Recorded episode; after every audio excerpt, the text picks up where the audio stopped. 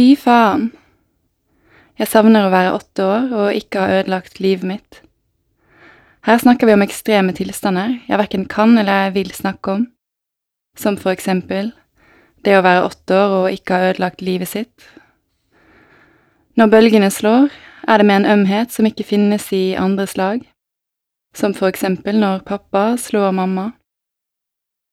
Når jeg holder pusten under vann, er det av praktiske årsaker og ikke av frykt, som for eksempel når jeg holder pusten og lister meg fra senga til badet, for å tisse på porselenet, lydløst og aldri i vannet. Når broren min og jeg ligger i badekaret til vi ser ut som hundreåringer i huden og vannet blir kaldt og vi tisser i vannet, liksom for å holde varmen, for å holde ut. Jeg hadde rene hender og hår som glitra i hårbøylen, men det var noe som mangla i meg. Jeg var feil i verden. Den urolige kroppen, det urolige hjertet, steinen i magen.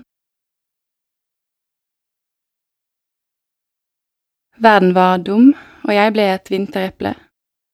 Det slutta aldri å regne, men jeg forsøkte å innrette meg. Jeg smurte matpakke og var umulig. Jeg gjorde lekser og var umulig. Jeg satt i ro og var umulig. Jeg var i verden, jeg var umulig.